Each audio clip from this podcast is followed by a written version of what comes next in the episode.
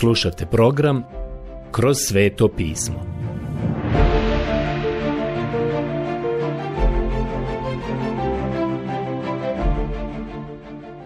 Knjiga Izlazak. Odlomak Izlazak, poglavlje 19 od 4. do 25. stiha. Prijatelji, mi se danas vraćamo na ovo 19. poglavlje knjige Izlaska, a prošli smo put došli do 4. stiha. Vidjeli ste kako sam postupao s Egipćanima, kako sam vas nosio na orlovim krilima i doveo vas ovamo k sebi. Knjiga izlaska 19.4 Sinovi Izraelovi sada dolaze na brdo Sinaj. Napustili su egipatsku zemlju. Bog ih je oslobodio i sada ih je doveo na brdo Sinaj. Oni će morati donijeti jednu odluku ovdje na planini Sinaj. Bog kaže, Vidjeli ste kako sam vas nosio na orlovim krilima. Kao što smo rekli prošli put, orlova krila su simbol božanstva, a ona ovdje predstavljaju i spasenje milošću Božjom. Vidjet ćemo da ona također predstavljaju disciplinu Božjom milošću. To ćemo vidjeti kada budemo prešli na knjigu Ponovljeni zakon. Ali ovdje vidimo da orlova krila predstavljaju spasenje. Molim vas, hoćete li sada zapaziti sljedeće? Bog je rekao da ih je nosio i doveo na orlovim krilima. Kako je on to učinio? Prije svega, našao ih je bespomoćne i beznadežne u egipatskom robstvu. Bog ih je izbavio. On ih je otkupio krvlju i te noći kada je anđeo smrti prošao i kada je došlo do smrti prvorođenaca, u svim onim kućama čiji dovratci nisu bili označeni krvlju, okončalo je seriju pošasti i te noći sinovi Izraelovi su krenuli iz Egipta. Zatim su došli do Crvenog mora, ali čak ni tada nisu bili izvan egipatske zemlje. Faraon ih je mogao sustići i pobiti kao životinje, a to bi i učinio da se Bog ponovno nije umiješao. Bog ih je tada svojom snagom, silnom snagom, preveo preko Crvenog mora. To je mogla učiniti samo Božja sila, kao što vidite ovdje, Bog ih nosi na orlovskim krilima. On ih nosi na takav način. Izraelci su onda izašli iz robstva u slobodu.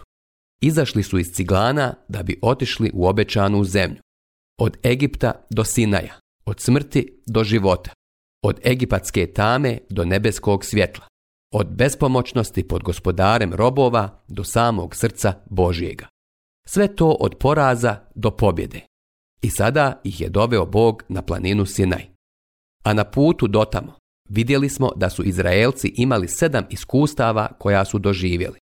Kao što smo vidjeli, tih sedam iskustava su veoma značajna za nas danas. Vidjeli smo kako je on zadovoljio njihove potrebe. Ovo su iskustva koja ćemo i vi i ja imati. Vidjet ćemo i kako Bog danas zadovoljava naše potrebe, kako nas on obskrbljuje. Bog je Izraelcima dao manu. Bog im je dao vodu iz stijene. Bog je učinio da gorke vode u Mari postanu slatke i pitke. I to nakon dugog trodnevnog putovanja pustinjom bez vode. Nakon toga ih je Bog izbavio od Amaleka. I ta pobjeda je bila izvojevana molitvom. Prijatelji, ne možete savladati tijelo sobstvenim naporima. Siguran sam da ste to do sada već naučili. To je nešto što predajete duhu svetome i onda učite hodati po duhu. Pobjeda je na vrhu brda, nikada u dolini gdje se borimo svojom sopstvenom snagom. Siguran sam da su mnogi od nas to već naučili. Zato mi danas ne služimo Bogu kroz svjetovnu mudrost. Toliko slušamo o gospodnjoj volji. Nedavno sam primijetio u jednoj crkvi gdje su imali seriju poučavanja i na svakom od njih tema je bila kako možete pronaći volju gospodnju. Ja sam došao do zaključka na osnovu nekih od tih tema i poučavanja da je velika količina svjetovne mudrosti korištena da se sazna Božja volja za vaš život. Prijatelji moji, mislim da to nije način na koji pronalazite Božju volju za svoj život. Ova današnja ideja da trebamo učiniti sve što je potrebno i da trebamo koristiti određene metode i vrstu stvari koje jednostavno nisu prikladne niti su Božiji način za pronalaženje njegove volje. Bog je nosio Izraelce na orlovskim krilima, a tako nosi i nas danas.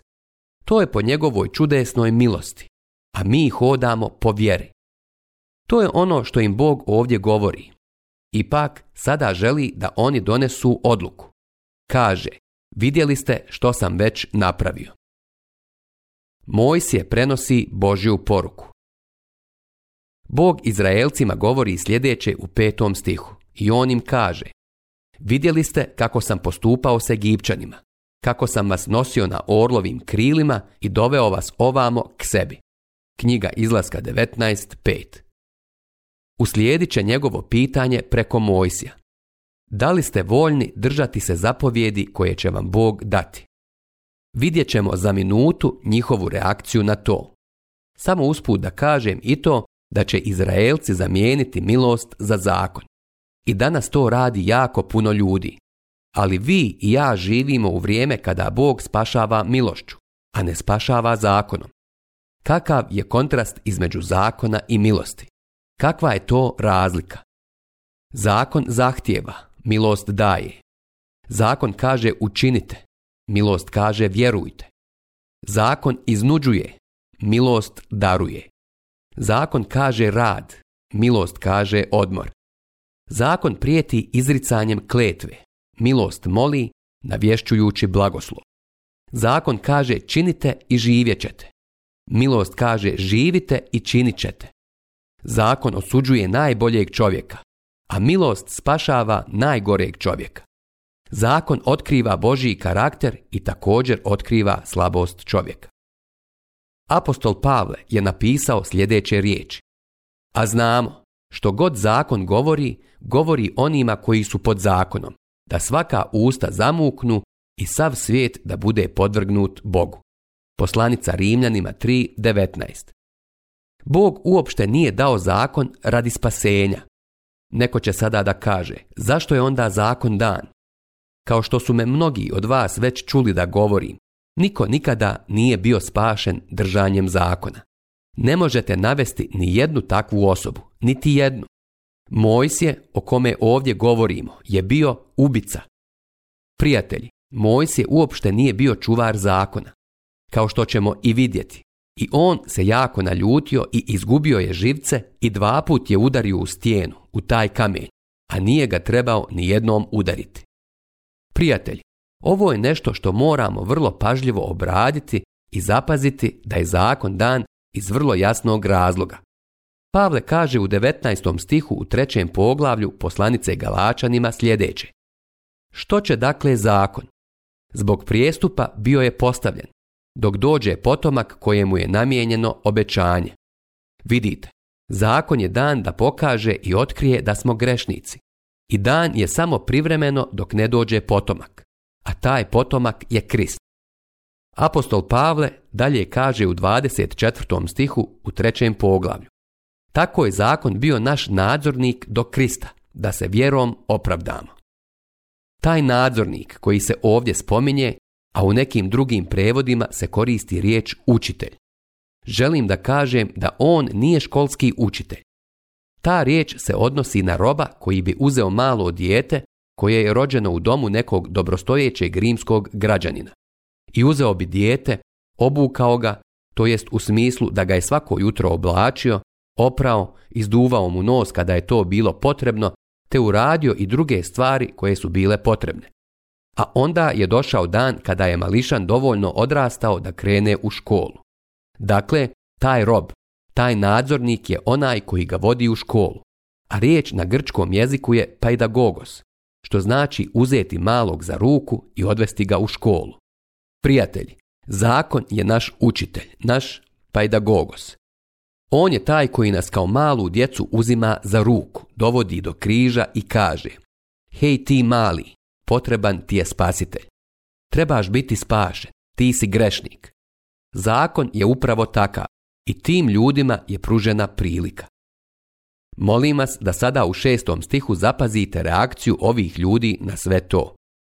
I bit ćete mi svećeničko kraljevstvo i svet narod. Vidite, Božja izvorna namjera za Izrael je bila da oni budu kraljevstvo svećenika.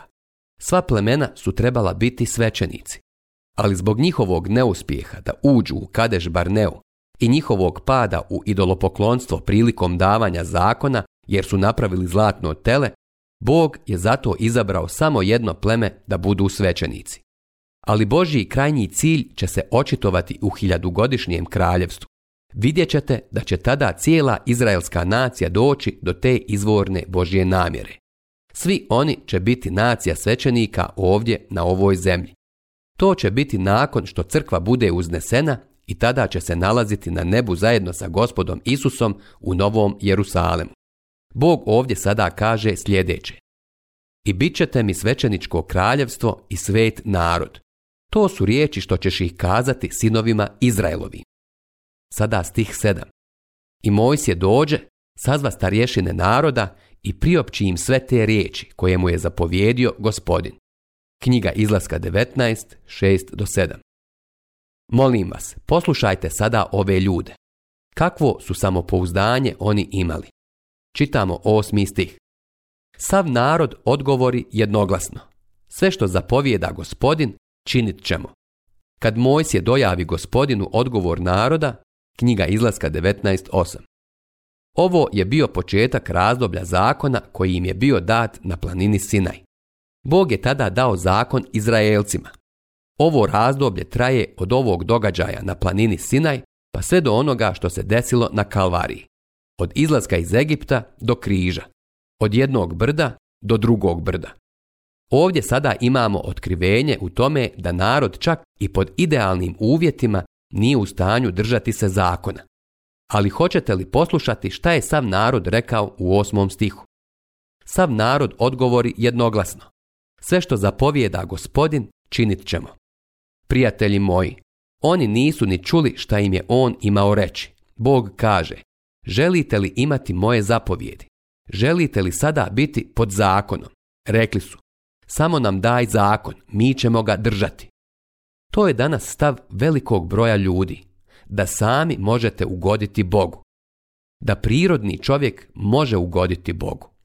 Prijatelji, pokazalo se tokom 1500 godina da su ljudi pod zakonom padali nisu uspjeli, nisu bili u stanju držati zakon.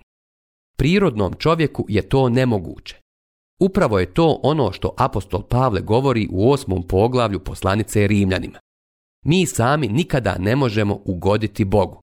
Zakon je dat da kontroliše tu staru prirodu, ali nije uspio jer je stara priroda buntovna. Ne možete je kontrolisati. Ona je buntovnik, revolucionar. Poslušajte šta piše u poslanici Rimljanima 8, 6 do 7. Naime, mudrost tijela je smrt, a mudrost duha život i mir. Jer je umovanje tjelesno neprijateljstvo prema Bogu zato što se ne pokorava Božijemu zakonu, a i ne može. Vi i ja imamo staru prirodu, a ta je priroda u neprijateljstvu sa Bogom. Ona nikada ne može biti poslušna Bogu. Da li ste i sami došli do tog otkrića u vlastitom životu? Da li ste otkrili da ne ispunjavate Božja mjerila i standarde? Hvala Bogu da on ima još jedan aranžman. Kod današnjih ljudi srećem samopouzdanje koji mi kažu da se drže zakona, ali ništa ne čini osobu licemjernijom nego kada hoda u naokolo i govori ja se držim zakona, a znate da uopšte nije moguće ispuniti Božje standarde i mjerila. U redu. Pogledajmo sada naš tekst. Bog će im dati zakon. Izraelci na to kažu, daj nam zakon. Kakvo samopouzdanje. Čak mogu da kažem, kakva arogancija. Ujedno, ovo je užasno i neizrecivo osljepilo i neznanje. A ipak i danas ima mnoštvo takvih ljudi, iako je Bog već pokazao da se čovjek ne može spasiti pod zakonom. Bog je dao tu dispenzaciju, to razdoblje. Isprobano je i potvrđeno je da se čovjek ne može spasiti pod zakonom. To je isprobano u idealnim uslovima i okolnostima, idealnijim nego što su danas. Sada čitamo deveti stih 19. poglavlja knjige Izlaska. Reče gospodin Mojsiju, evo, ja ću doći k tebi u gustim burnim oblacima, da narod čuje kad budem s tobom govorio i da ti vjeruje zauvijek je priopći gospodinu odgovor naroda. Knjiga izlaska 19.9 Ima oni koji misle da je to što je Bog dao zakon bila vrlo lijepa stvar. Prije mnogo godina, u Đorđiji, prišla mi je jedna žena.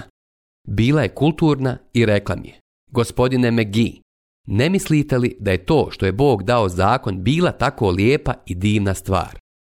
Ja mislim da sam je tada šokirao. Rekao sam, ne vidim ništa lijepo u tome. To je strašna i zastrašujuća stvar. U redu. Pogledajmo sada to. Evo ovdje sada obrađujemo davanje zakona. I vi mi recite da li u tome vidite nešto lijepo ili ne. Poslušajte sada stihove 10 i 11. Tada reče gospodin Mojsiju. Idi k narodu i daj da se posveti danas i sutra. Neka opere svoje haljine i neka bude spreman preko sutra. Jer će preko sutra sići gospodin na Sinajsku goru pred očima svega naroda. Knjiga izlaska 1910 do 11. Reći ćete da je ovo jedna nevjerovatna scena. Sačekajte malo, nismo još završili. Hoćete li poslušati dalje? Označi narodu u naokolo među i zapovjedi. Čuvajte se da ne uziđete na goru ili da se i samo ne dotaknete njezina podnožja, sve što se dotakne gore mora poginuti. Knjiga izlaska 19.12. Prijatelji, da li vam i sada to zvuči lijepo? Izraelcima je rečeno da se ne približavaju planini i da je ne diraju. U suprotnom bili bi ubijeni. To nije lijepo. To je grozno. Sada čitamo od 13. do 16. stiha. Nijedna se ruka ne smije onda toga dotaknuti, jer tko se dotakne, treba ga kamenovati ili ustrijeliti. Bio čovjek ili živinče ne smije ostati na životu. Istom kada zatrubi ovno vrog, smije se uzići na goru. Na to siđe Mojsije s gore k narodu i dade da se posveti narod i opraše svoje haljine. Onda zapovijedi narodu. Budite spremni preko sutra. Ne približite se ženi. Trećeg dana, kad osvanu jutro, zagrmješe gromovi i zasijevaše munje. Teški se oblaci nadviše nad gorom i odijeknu glas trube veoma jak. Sav narod što je bio u taboru zadrhta. Knjiga izlaska 19 od 13 do 16. Prijatelj, ovo nije cirkuska parada koja je u prolazu i na proputovanju u vašem gradu. Ovo je davanje zakona i ovo je zastrašujuće. Ljudi su drhtali, zato što je to bilo užasno iskustvo. Poslušajte, nisam završio sa čitanjem stihova. Sada ćemo pročitati stih 17. Mojs je povede narod iz tabora u susret Bogu i narod se smjesti na podnožju gore.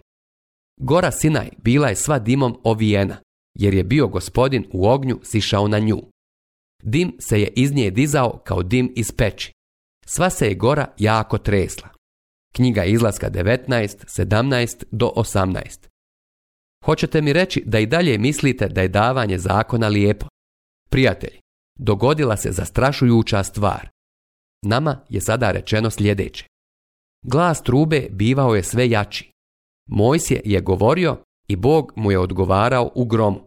I kad je gospodin sišao na vrh gore Sinaja, pozva gospodin Mojsija na vrh gore. Mojsije uziđe. I gospodin zapovijedi Mojsiju, siđi dolje i opomeni narod da se ne probijaju do gospodina, da ga vidi, inače bi ih mnogo poginulo. Knjiga izlaska 19, do 21. Vidite, mnogi su mislili da bi mogli nešto vidjeti, ali neće ništa vidjeti. Oni će samo čuti glas jer i danas se vrijedi. Boga niko nikada nije vidio. Pogledajte Evanđelje po Ivanu 1.18. Sada, molim vas, obratite pažnju. Čitat ćemo od 22. stiha i dalje. I sami svećenici, koji se inače smiju približiti gospodinu, moraju se posvetiti da ih gospodin ne uništi. je odvrati gospodinu. Narod ne može uzići na goru Sinaj jer si nas ti opomenuo da omeđimo goru i da proglasimo da se njoj ne smije približiti. A gospodin mu odvrati. Siđi dolje i dođi opet gore Aronom. Ali svećenici i narod ne smiju provaliti među, da se popnu do gospodina. On bi ih inače uništio. je dakle siđe k narodu i svemu dojavi. Knjiga izlaska 1922 do 25. Imate davanje zakona i u sljedećem, u 20. poglavlju. Deset zapovjedi nipošto nisu sav zakon. Prije svega, u 20. poglavlju imamo deset zapovjedi, a sa njima je i niz stvari vezanih za oltar. Zapamtite, to dvoje idu zajedno. Vidite, mora postojati oltar ili žrtva koja se prinosi, jer zakon otkriva da postoji grijeh i mora biti prolivena krv za grijeh. Baš kao što u kupatilu imate ogledalo koje predstavlja zakon, a ispod je umivaonik. Vi se ne umivate uz pomoć ogledala, Ogledalo otkriva i pokazuje, a umivate se uz pomoć umivaonika. I danas postoji fontana puna krvi, koja je izašla iz Emanuelovih vena i grešnici su uronjeni u tu krv, kako bi oprali sve mrlje krivice. Dakle ovdje i u sljedećem 20. poglavlju imamo deset zapovjedi i zatim uputstva o oltaru. To je važno, ali time se ne završava zakon. Jer dalje, u narednim poglavljima, od 21. do 24. imate ono što se zove socijalno zakonodavstvo ili društvena legislativa.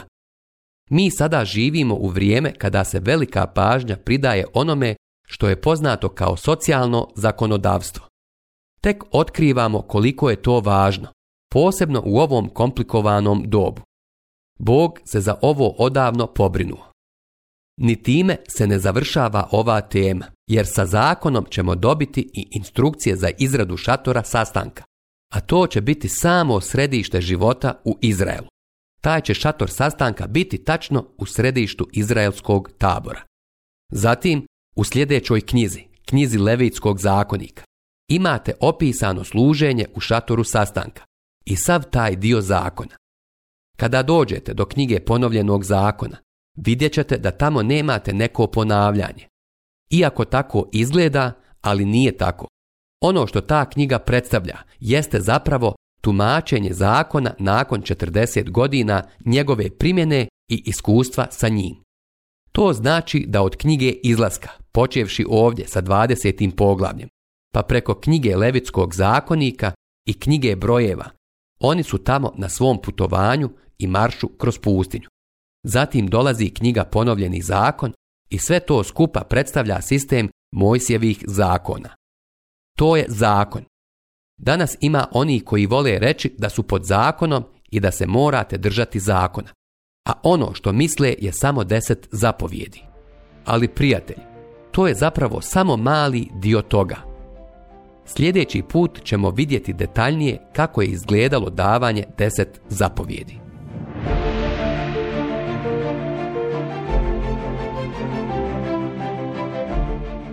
Slušali ste emisiju Kroz sveto pismo. Možete nas slušati i na našem YouTube kanalu putem mobilne aplikacije, te na svim glavnim podcast platformama kao što su Google, Apple i Spotify. Ako vam se naši programi dopadaju, preporučite ih i podijelite s drugima. Budite slobodni da ostavite svoj komentar ili nam pišite na našu e-mail adresu kroz svetopismo.bih at gmail.com Zapratite našu stranicu kroz sveto pismo BiH na Facebooku i na Instagramu. Emisije iz ove serije možete pronaći na našoj stranici ttb.tw.org.